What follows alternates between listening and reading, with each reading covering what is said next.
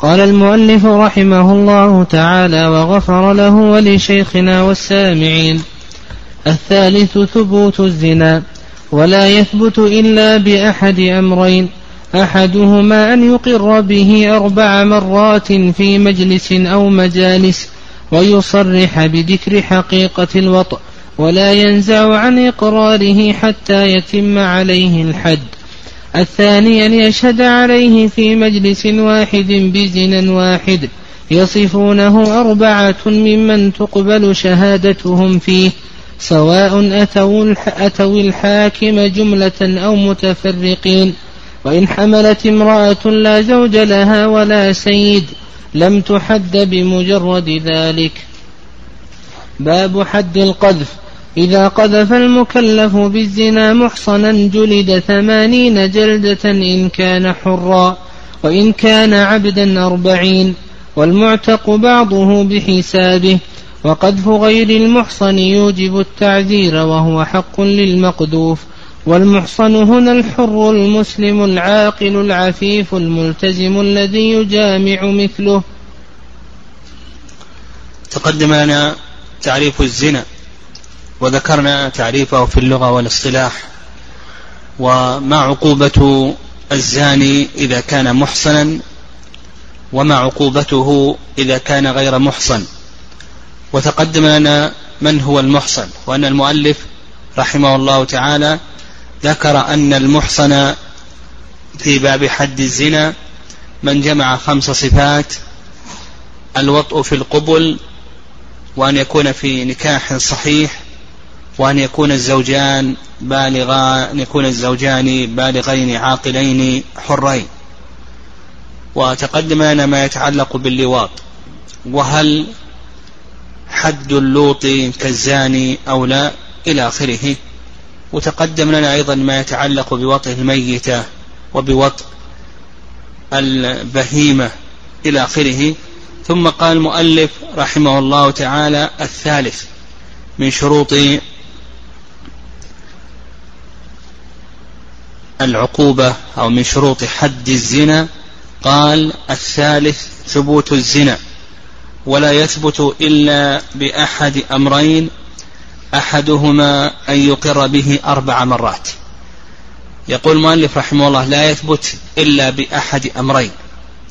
وسيأتينا أن الحد يثبت بواحد من أمور ثلاثة إما البينة أو الاعتراف أو الحبل. قال أحدهما أن يقر به أربع مرات. هذا الأمر الأول مما يثبت به حد الزنا الإقرار ويدل لذلك قول الله عز وجل يا أيها الذين آمنوا كونوا قوامين بالقسط شهداء لله ولو على أنفسكم.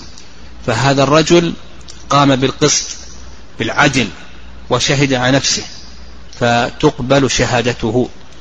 ويدل لذلك أيضا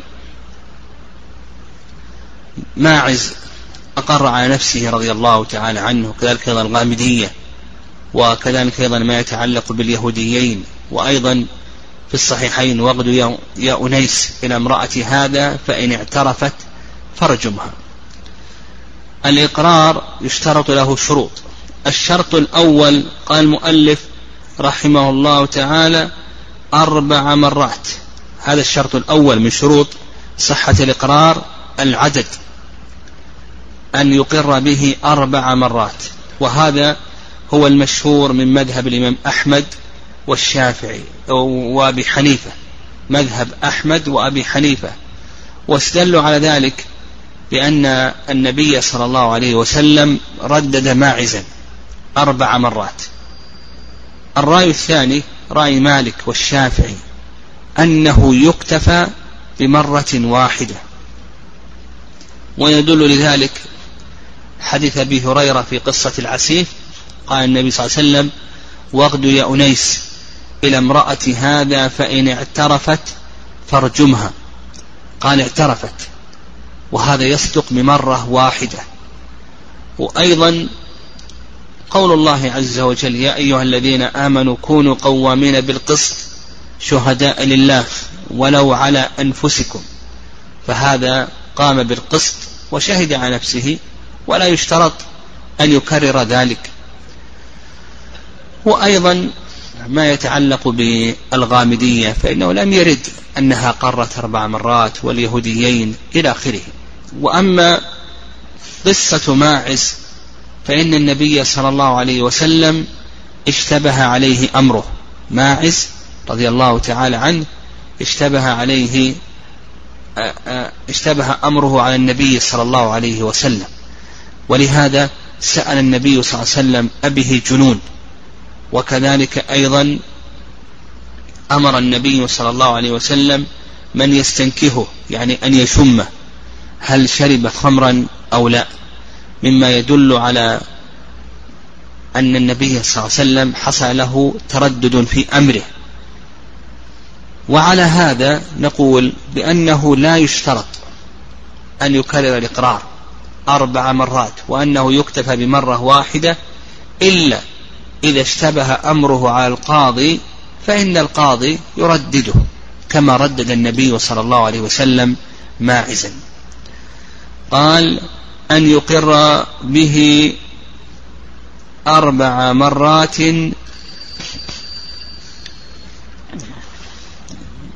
في مجلس أو مجالس. هذا الشرط الثاني. نعم الشرط الأول من شروط الاعتراف العدد. الشرط الثاني المجلس. فهل يشترط أن يكون الإقرار في مجلس أو حتى ولو كان في مجالس؟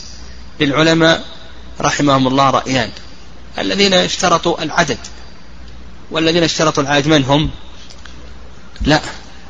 الحنابلة والحنفية. الحنفية يقولون لا بد من اتحاد المجلس أن يكون في مجلس واحد. والحنابلة يقولون لا يشترط أن يكون في مجلس واحد. ولهذا قال لك المؤلف في مجلس أو مجالس. وهذا كله مبني على اشتراط العدد وتقدم لنا أن الصواب أن العدد ليس شرطا نعم أن العدد ليس شرطا وعلى هذا هذه المسألة مفرعة على اشتراط العدد تقدم الكلام على ذلك و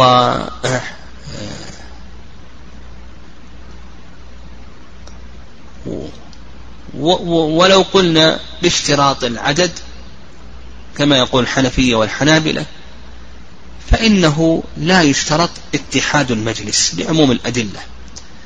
قال ويصرح ويصرح بذكر حقيقة الوط هذا الشرط الثالث نعم الشرط الثالث أن يصرح بذكر حقيقة الوط فلا تكفي الكناية لأن الكناية تحتمل ما لا يوجب الحد فلا يكفي أن يقول أتيت امرأة.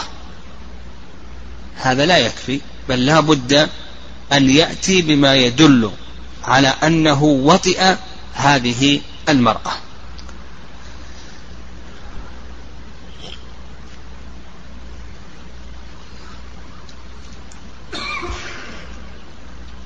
قال ولا ينزع عن إقراره حتى يتم عليه الحد. هذا الشرط الرابع.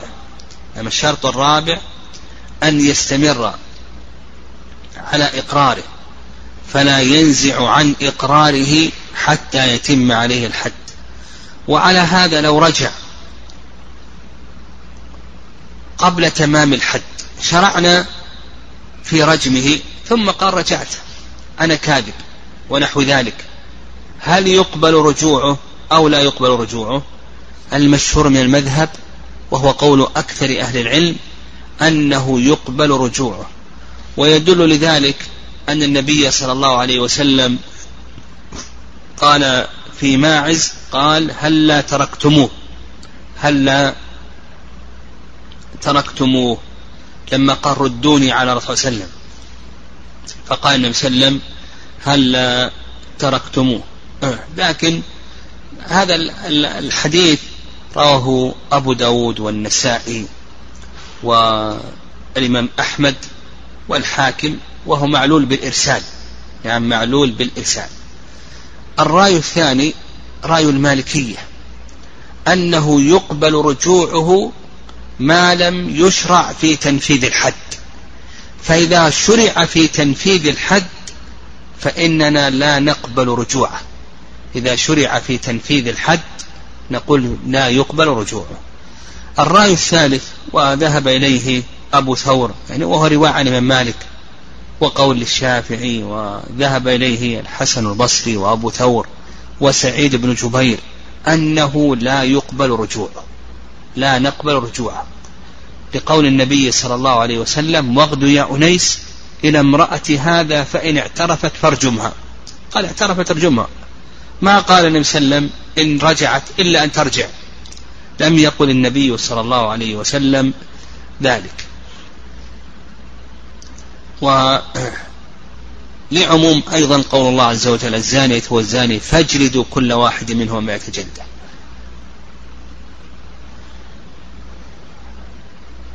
والرأي الأخير في هذه المسألة ما ذهب إليه شيخ الإسلام تيمية رحمه الله أنه يقبل رجوعه إن جاء تائبا.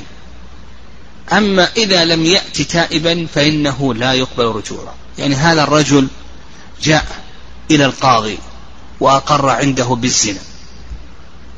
بغية الطهارة. ثم بعد ذلك رجع. نقبل رجوعه. أما إذا وجد متلبسا بالفاحشة ثم بعد ذلك أقر واعترف. فإننا لا نقبل رجوعه لأنه لم يأت تائبا. وهذا لشيخ الإسلام تيمية رحمه الله وهو جيد يعني كلام جيد. نعم. وقال بعض أهل العلم إن وصف الجناية لا نقبل رجوعه. لو قال فعلت كذا وفعلت كذا هذا لا يقبل رجوعه. وإن كان إقراره مجملا نقبل رجوعه. ويظهر والله أعلم أن ما ذكر شيخ الإسلام تيمية رحمه الله في هذه المسألة نعم أنه جيد. قال حتى يتم عليه الحد قال الثاني يعني الثاني مما يثبت به حد الزنا أن يشهد عليه في مجلس واحد بزنا واحد يصفونه أربعة ممن تقبل شهادتهم فيه. هذا الثاني مما يثبت به حد الزنا. مما يثبت به حد الزنا الشهادة. ويدل لذلك قول الله عز وجل لولا جاءوا عليه بأربعة شهداء نعم قول الله عز وجل لولا جاءوا عليه بأربعة شهداء وأيضا قول الله عز وجل ثم لم يأتوا بأربعة شهداء. ثم لم يأتوا بأربعة شهداء. أن يشهد عليه في مجلس واحد بزنا واحد يصفونه أربعة.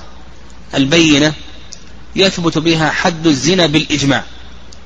وكما تقدم دل عليه قول الله عز وجل والذين يرمون المحصنات ثم لم يأتوا بأربعة شهداء لولا جاءوا عليه بأربعة شهداء إلى آخره. طيب البينة يشترط لها شروط. الشرط الأول العدد. لا بد من أربعة وهذا محل إجماع والقرآن صريح في ذلك.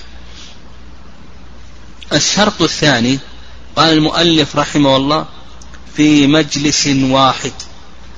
فيؤخذ من كلام المؤلف رحمه الله تعالى أنه لا بد أن يشهدوا في مجلس واحد.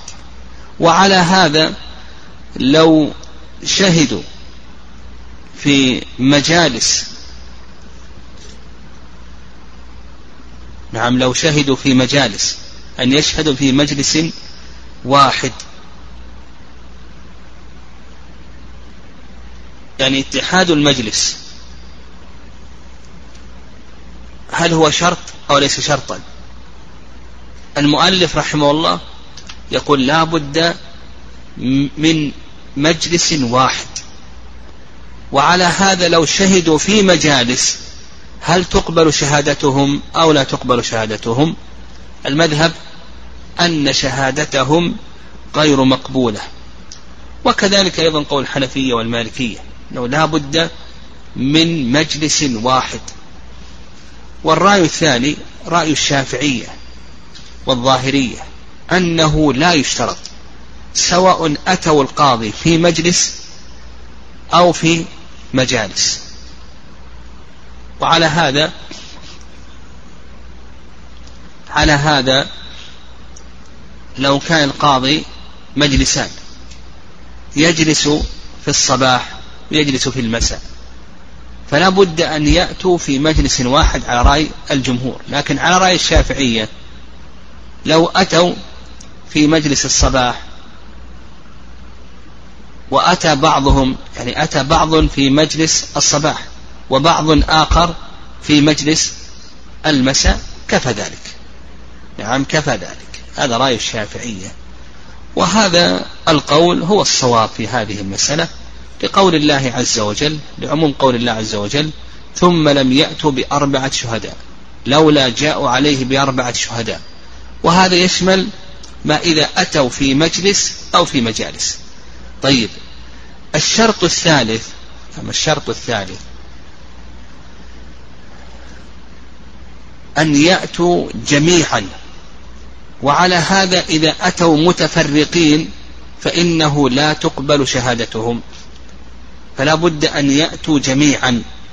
وهذا رأي الحنفية والمالكية. والرأي الثاني رأي الحنابلة أن هذا ليس شرطا. سواء أتوا جملة أو أتوا متفرقين. وهذا القول هو الصواب. نعم الصواب أنه لا يشترط أن يأتوا جملة واحدة سواء أتوا متفرقين أو أتوا مجتمعين. ويدل لذلك حديث المغيرة بن شعبة رضي الله تعالى عنه. قال بزنا واحد هذا الشرط الرابع أن يشهدوا على فعل واحد. وعلى هذا لو شهد بعضهم أنه زنى في يوم الاثنين والبعض الآخر زنى في يوم الثلاثاء. ها؟ هل يصح ذلك أو لا يصح؟ نقول لا يصح. لأن يوم الاثنين فعل مستقل. لا بد له من بينة مستقلة. لا بد من أربعة. ويوم الثلاثاء فعل مستقل لا بد له من بينة مستقلة. فيشترط يعني يشترط أن أن يشهدوا على فعل واحد. الشرط الخامس قال يصفونه. هذا الشرط الخامس. يصفونه. لا بد أن يصفوا الزنا. وأنهم ذكروا رأوا الذكر في الفرج. وهذا صعب جدا. هذا صعب جدا. ولهذا ذكر شيخ الإسلام تيمية رحمه الله أن الزنا لم يثبت بالبينة من عهد النبي صلى الله عليه وسلم إلى عهده. وكذلك من عهد النبي صلى الله عليه وسلم إلى عهدنا. ما ثبت الزنا بالبينة وإنما يثبت بأي شيء؟ يثبت بالإقرار. نعم يعني يثبت بالإقرار. قال أربعة ممن تقبل شهادتهم فيه. هذا الشرط السادس. أن يكون الشهود ممن تقبل شهادتهم فيه. وهذا سيأتينا إن شاء الله في باب الشهادات. هذا سيأتينا إن شاء الله قريبا في باب الشهادات في كتاب القضاء بإذن الله عز وجل. وسيأتينا إن شاء الله هل تقبل شهادة النساء في الحدود أو لا تقبل؟ وأن جمهور العلماء لا يرون قبول شهادة النساء في الحدود. ومن العلماء من قال تقبل شهادة النساء في الحدود. ومنهم من قال تقبل تبعا للرجال. فإذا شهد اثنان وأربع نسوة صح. أما لو شهد ثمان نسوة فلا يجوز. ومنهم من قال تقبل مطلقا. فلو شهد ثمان نسوة كفى ذلك. والجمهور أنها لا تقبل. وهذا سيأتينا إن شاء الله في باب أو كتاب الشهادات قريبا. قال سواء أتوا الحاكم جملة أو متفرقين. قال وإن حملت امرأة لا زوج لها ولا سيد لم تحد بمجرد ذلك. هذا الأمر الثالث مما يثبت به حد الزنا وهو القرائن. فهل يثبت الحد بالقرائن؟ أو نقول بأن الحد لا يثبت بالقرائن.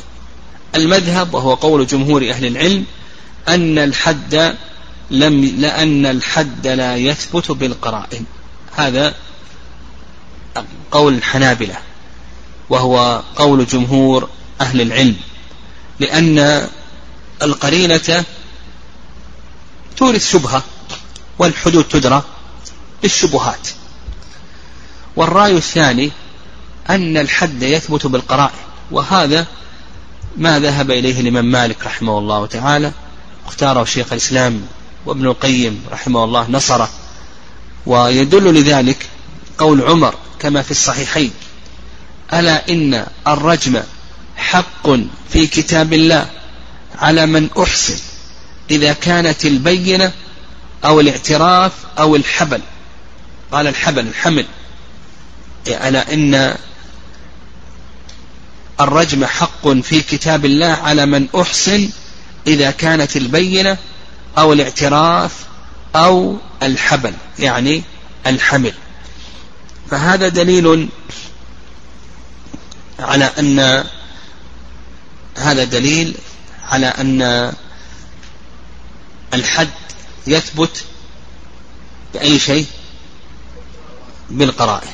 ومما يدل لذلك يعني مما يدل لذلك أن عثمان رضي الله تعالى عنه جلد من تقيأ الخمر. وابن مسعود رضي الله تعالى عنه جلد برائحة الخمر من وجد منه رائحة الخمر. وهذه قرينة على أنه شرب الخمر. قال وإن حملت امرأة لا زوج لها ولا سيد لم تحد بمجرد ذلك. يعني بمجرد الحمل نعم لم تحد بمجرد الحمل وهذا تقدم الكلام عليه. هل يثبت الحد بالقرائن أو لا؟ يثبت إلى آخره. نعم. قال وهل يجب أن تسأل أو لا يجب أن تسأل؟ المشهور من المذهب أنها لا تسأل والصحيح في ذلك أنها إذا كانت مغيبة. نعم. ليس لها زوج ولا سيد أنها تسأل أن, أن, الإمام أو نائب الإمام أن له أن يسألها. لكن إن ادعت إن ادعت ما يسقط الحد كأن تكون مكرهة أو وطئت بشبهة ونحو ذلك فإن الحد لا يثبت عليها. قال رحمه الله باب حد القذف. القذف في اللغة الرمي وأما في الاصطلاح فهو الرمي بزنا أو لواط. والقذف محرم ولا يجوز والإجماع قائم على ذلك. ويدل لذلك قول الله عز وجل والذين يرمون المحصنات ثم لم يأتوا بأربعة شهداء فاجلدوهم ثمانين جلدة ولا تقبل لهم شهادة أبدا وأولئك هم الفاسقون. إلا الذين تابوا إلا الذين تابوا. فالقذف هذا محرم ولا يجوز. قال والإجماع قائم على ذلك. ومن السنة حديث أبي هريرة في الصحيحين أن النبي صلى الله عليه وسلم قال اجتنبوا السبع الموبقات. وذكر النبي صلى الله عليه وسلم منها وقذف المحصنات الغافلات المؤمنات. قال إذا قذف المكلف محصنا جلد ثمانين. القاذف لا يخلو من أمرين إما أن يكون حرا وإما أن يكون رقيقا. إما أن يكون حرا وإما أن يكون رقيقا. فإن كان القاذف حرا فعقوبته ثمانون جلدة يعني بالإجماع. ويدل لهذا قول الله عز وجل والذين يرمون المحصنات ثم لم يأتوا بأربعة شهداء فاجلدوهم ثمانية جلدة. هذه العقوبة الأولى. ولا تقبلوا لهم شهادة أبدا. هذه العقوبة الثانية. وأولئك هم الفاسقون. هذه العقوبة الثالثة إلا الذين تابوا. طيب إذا تاب عندنا ثلاثة أشياء. إذا تاب الإجماع على أن الجلد لا يسقط لأنه حق آدمي. وكذلك أيضا بالاتفاق أن وصف الفسق يزول عنه. لكن بقينا في الأمر الثالث وهو قبول الشهادة. هل تقبل شهادته أو نقول بأن شهادته غير مقبولة؟ العلماء رحمهم الله في ذلك رأيان. الرأي الأول وهو رأي الحنابلة وهو قول جمهور أهل العلم أن شهادته مقبولة لقول الله عز وجل إلا الذين تابوا. نعم إلا الذين تابوا ولأن وصف الفسق زال عنه أو لم يزل زال عنه. ما دام أن وصف الفسق زال قبلت شهادته. الحكم يدور مع علته وجودا وعدما. والرأي الثاني رأي الحنفية أن شهادته غير مقبولة لأن الله عز وجل قال ولا تقبل لهم شهادة أبدا قال أبدا نعم. لكن يقال بأن قوله أبدا هذا ما لم يتب. إذا تاب الله عز وجل قال إلا الذين تابوا وأيضا هذه المسألة مبنية على مسألة أصولية. نعم هذه المسألة مبنية على مسألة أصولية. ما هي هذه المسألة الأصولية؟ نعم الاستثناء المتعقب لجمل متعاطفة بالواو. الاستثناء الوارد على جمل متعاطفة بالواو. هل يعود إلى الجميع أو يعود إلى الأخير فقط؟ هل يعود إلى الجميع أو يعود إلى الجملة الأخيرة فقط؟ جمهور العلماء يعني جمهور الأصوليين يقولون بأنه يعود إلى ماذا؟ ها؟ إلى الجميع. والحنفية يقولون يعود إلى ماذا؟ إلى الجملة الأخيرة فقط. نعم. فمثلا لو قال نعم مثلا لو قال هذا وقف على زيد وعمر وبكر إلا الفاسق. ها؟ هل يعود إلى الجميع أو يعود على الأخير؟ ها؟ على رأي الجمهور ماذا؟ يعود على الجميع. نعم. و وهذا يعني ما ذهب إليه جمهور أهل العلم هو الصواب. قال ولو محصنا إذا قذف محصنا وسيأتينا إن شاء الله من هو المحصن في باب حد القذف. حتى ولو كان هذا المحصن مجبوبا يعني قطع ذكره أو كانت امرأة رتقة يعني سد فرجها أو فرجها مسدود فإن من قذفه يجلد ثمانين جلدة.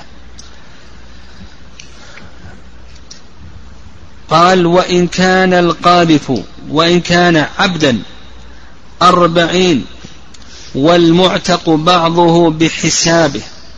طيب إذا كان القاذف رقيقا. نعم إذا كان القاذف رقيقا. ما هي عقوبته؟ المؤلف رحمه الله تعالى يرى أن عقوبته أربع يرى أن عقوبته أربعون. وهذا ما عليه جمهور أهل العلم رحمهم الله تعالى. ودليلهم على ذلك قول الله عز وجل فإن أتين بفاحشة فعليهن نصف ما على المحصنات من العذاب قال فإن أتين بفاحشة فعليهن نصف ما على المحصنات من العذاب الرأي الثاني أنه لا فرق بين الحر والرقيق وهذا قول الظاهرية. وأن الرقيق يجلد ثمانين جلدة لقول الله عز وجل والذين يرمون المحصنات ثم لم يأتوا بأربعة شهداء فاجلدوهم ثمانين جلدة. قالوا ثم لم يأتوا بأربعة شهداء فاجلدوهم ثمانين جلدة.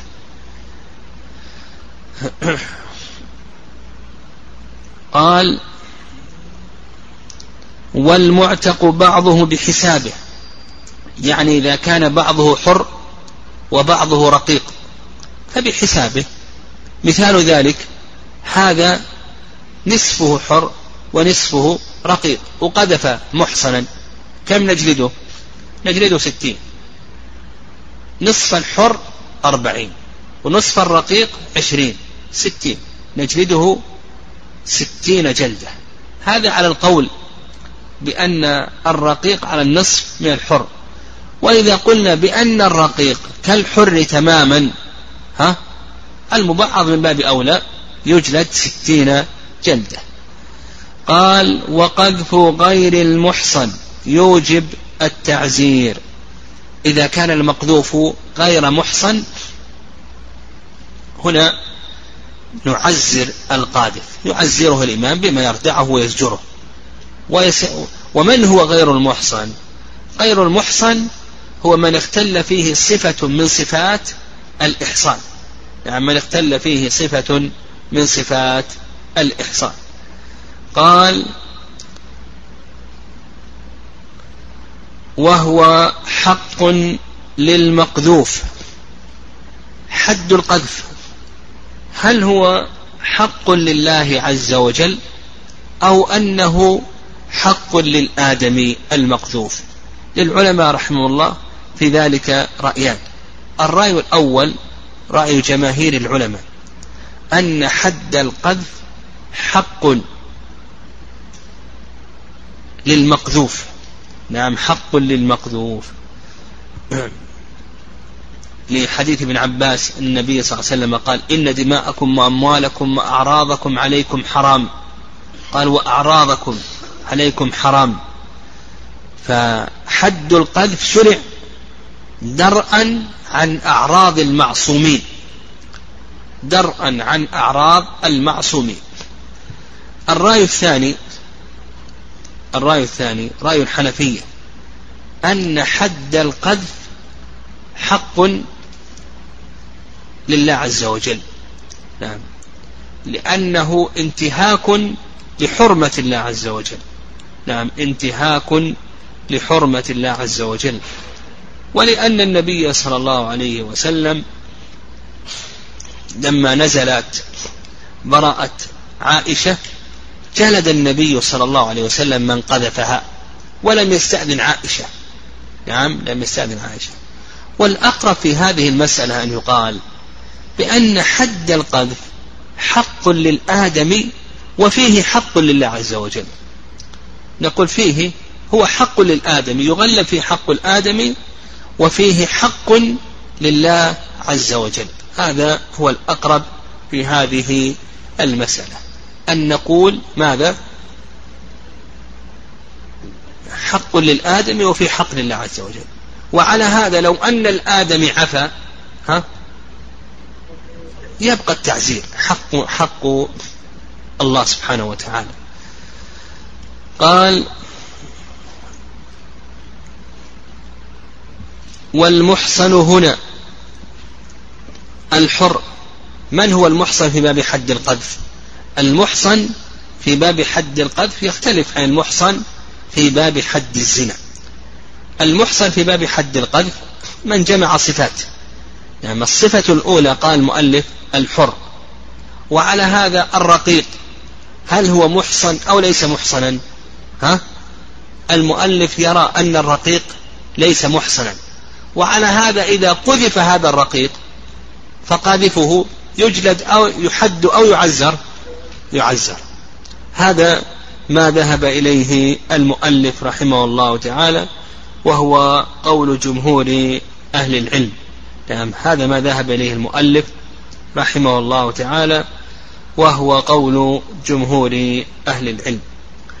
الرأي الثاني نعم الرأي الثاني أن الرقيق محسن. نعم أن الرقيق محسن وهذا قول الظاهرية. طيب ما هو دليل الجمهور؟ استدلوا بما في الصحيحين. أن النبي صلى الله عليه وسلم قال من قذف مملوكه بالزنا أقيم عليه الحد يوم القيامة إلا أن يكون كما قال. قال من قذف مملوكه بالزنا أقيم عليه الحد يوم القيامة إلا أن يكون كما قال. قال أقيم عليه الحد متى؟ يوم القيامة. هذا مما يدل على أنه ماذا؟ أنه لا يقام عليه الحد في الدنيا. مما يدل على أنه ليس محصنا. ويجاب عن ذلك نعم يجاب عن ذلك. نقول إما أن الحديث يراد به الردع والزجر وأنه أيضا لأن الرقيق مغلوب على أمره. فكما يقام عليه في الدنيا أيضا يقام عليه يوم القيامة. نعم. أو يقال بأن هذا خاص بالسيد يعني ممكن كما قلنا في القصاص. نعم. أنه إذا قتله سيده. نعم. إما يقال هذا أو يقال هذا. الرأي الثاني كما قلنا أن الرقيق أنه محصن واستدلوا على ذلك بالعموم والذين يرمون المحصنات ثم لم يأتوا بأربعة شهداء يدخل في ذلك الرقيق. ثم لم يأتوا بأربعة شهداء. وأيضا ثبت أن ابن عمر سئل عن رجل قذف أم ولد رجل. عن رجل قذف أم ولد رجل. فقال ابن عمر رضي الله تعالى عنهما يجلد الحد صاغرا. وأم الولد ماذا؟ رقيقة. أم, أم الولد أمة. حتى يموت سيدها تعتق بموت سيدها. فما ذهب إليه الظاهرية والله أعلم أنه أقوى. قال المسلم هذه الصفة الثانية. وعلى هذا الكافر ليس محصنا. ومن قذفه لا يحد. ويدل لذلك قول الله عز وجل إن الذين يرمون المحصنات الغافلات المؤمنات.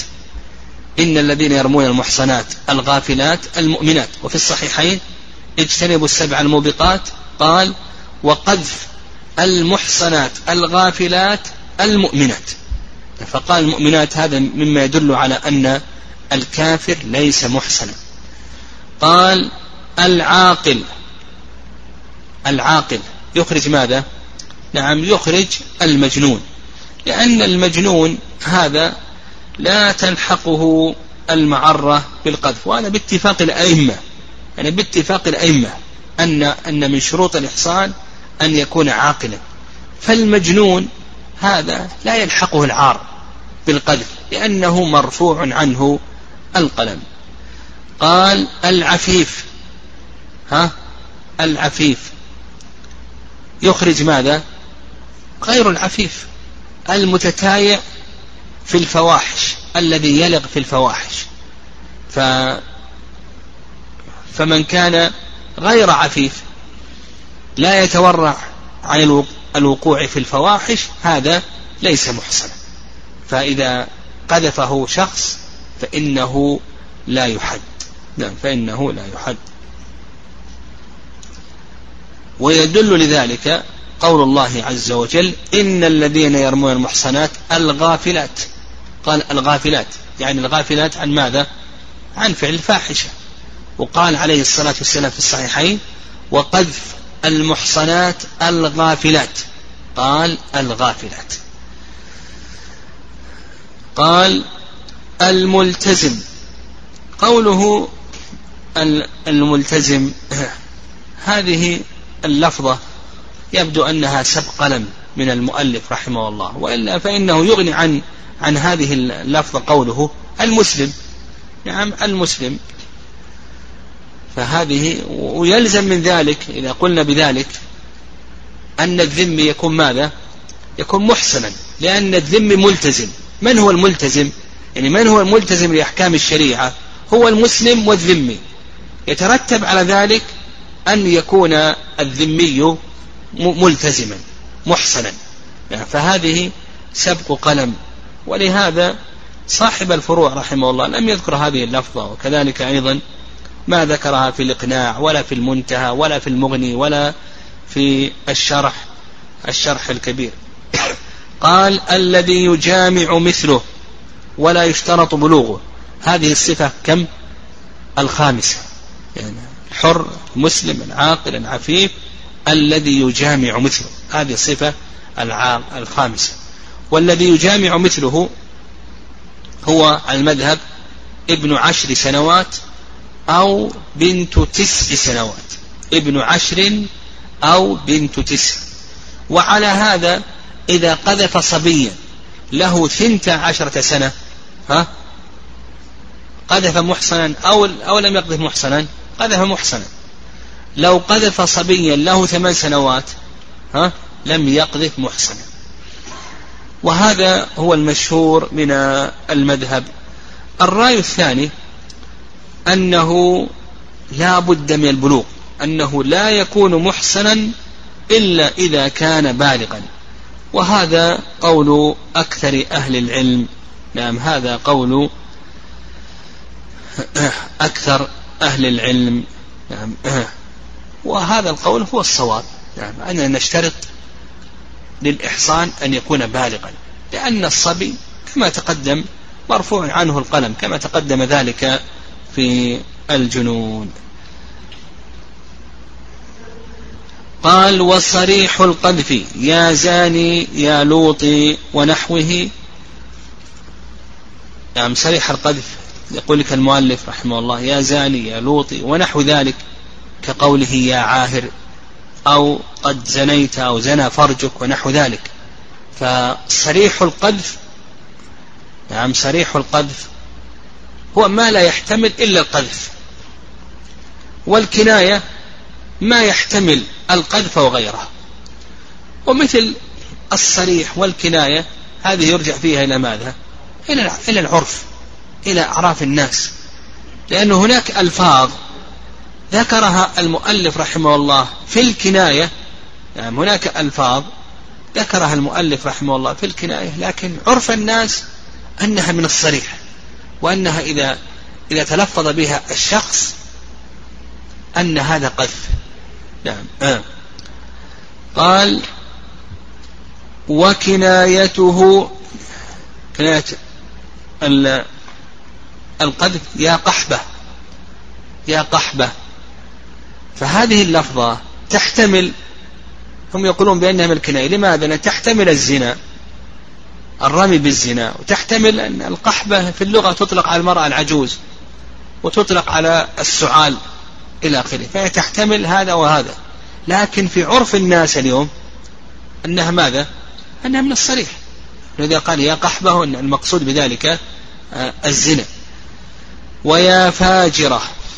أيضا هذه تحتمل تحتمل الزنا وتحتمل أيضا عدم الزنا. نعم تحتمل الزنا وتحتمل أيضا عدم الزنا. فالفجور يأتي ويراد به الزنا ويأتي أيضا ويراد به الانبعاث ومنه الفجر إلى آخره. قال ويا خبيثة. نعم. أيضا تحتمل الزنا تحتمل الخبث الرداءة. يعني ومن ذلك قول النبي صلى الله عليه وسلم كسب الحجام خبيث. يعني ردي. نعم ردي.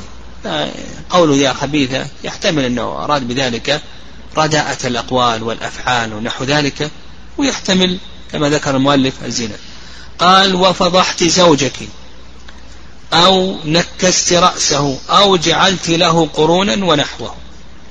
يعني هذه الأشياء تحتمل الزنا وتحتمل غيره. فضحت زوجك بالزنا ونكست رأسه بالزنا أو جعلت له قرونا يعني في الزنا أو أنك فضحت زوجك بكثرة الشكاية وجعلت له نكست رأسه بكثرة الشكاية وجعلت له قرونا يعني جعلتيه لك مذللا مسخرا ونحو ذلك. ونحو ذلك. المهم مثل هذه الأشياء ها يرجع فيها إلى ماذا؟ إلى القرائن إلى الأعراف. فما دل العرف على أنه صريح فهو صريح وما لم يدل العرف على أنه صريح.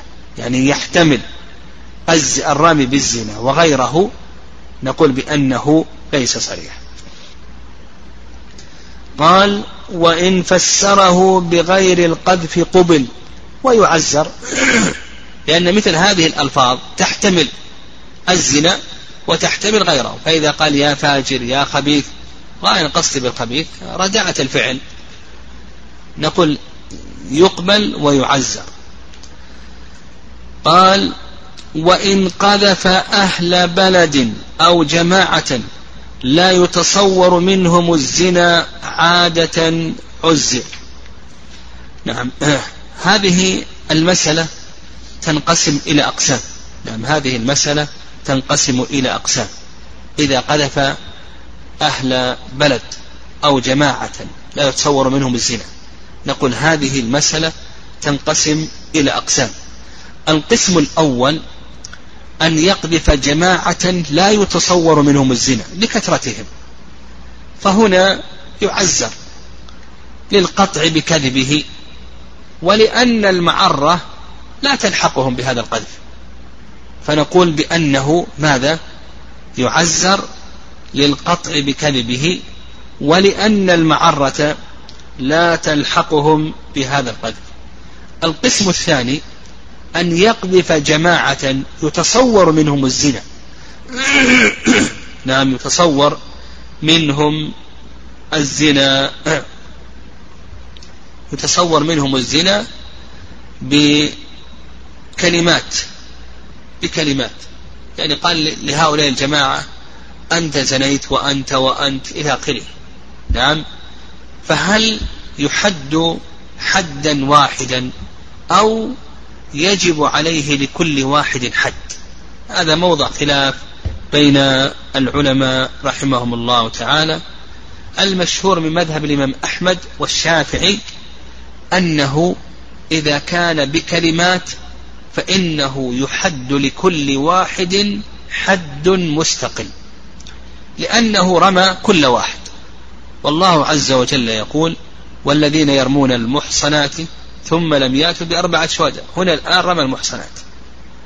الرأي الثاني رأي الحنفية والمالكية أنه يكتفى بحد واحد بناء على تداخل الحدود. أنه يكتفى بحد واحد بناء على تداخل الحدود. والأقرب الله أعلم في هذه المسألة هو الرأي الأول. ما دام أنه بكلمات هذه حقوق آدميين لا تداخل طيب القسم الثالث أن أن يرمي جماعة يتصور منهم الزنا. أن يرمي جماعة يتصور منهم الزنا بكلمة واحدة. القسم اللي قبله بكلمات لكن هنا بكلمة واحدة. نعم بكلمة واحدة. فيقول لهؤلاء الجماعة أنتم زنات. فهل يجب حد واحد أو يجب لكل واحد حد؟ للعلماء رأيان. المشهور من المذهب يعني المشهور من المذهب وهو قول أكثر أهل العلم أنه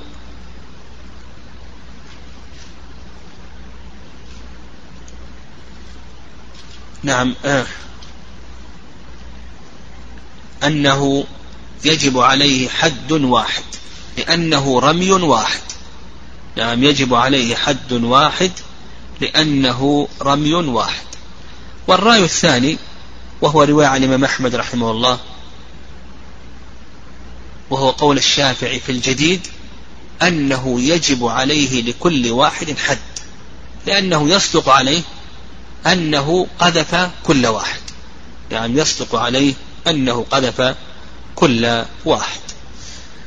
ويظهر والله أعلم أن مثل هذه المسألة يرجع فيها إلى اجتهاد الإمام. قال ويسقط حد القذف بالعفو ولا يستوفى بدون الطلب.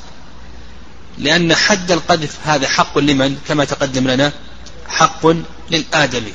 لم حد القذف هذا حق للآدمي. فإذا عفى الآدمي سقط حقه.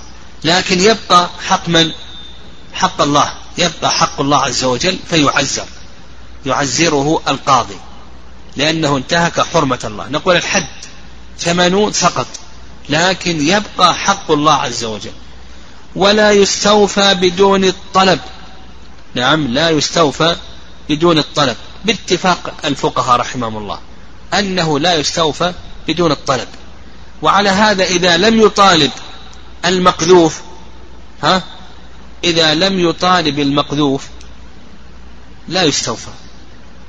لكن يبقى حق من حق الله عز وجل. فلل فللقاضي نعم للقاضي أن يجلده للقاضي أن يجلده. طيب بقينا في مسألة ومسألتان في آخر حد القذف التعريض بالزنا. إذا عرض بالزنا كما لو قال لشخص أنا لست بزاني. هو ما قال أنت زاني قال أنا لست بزاني.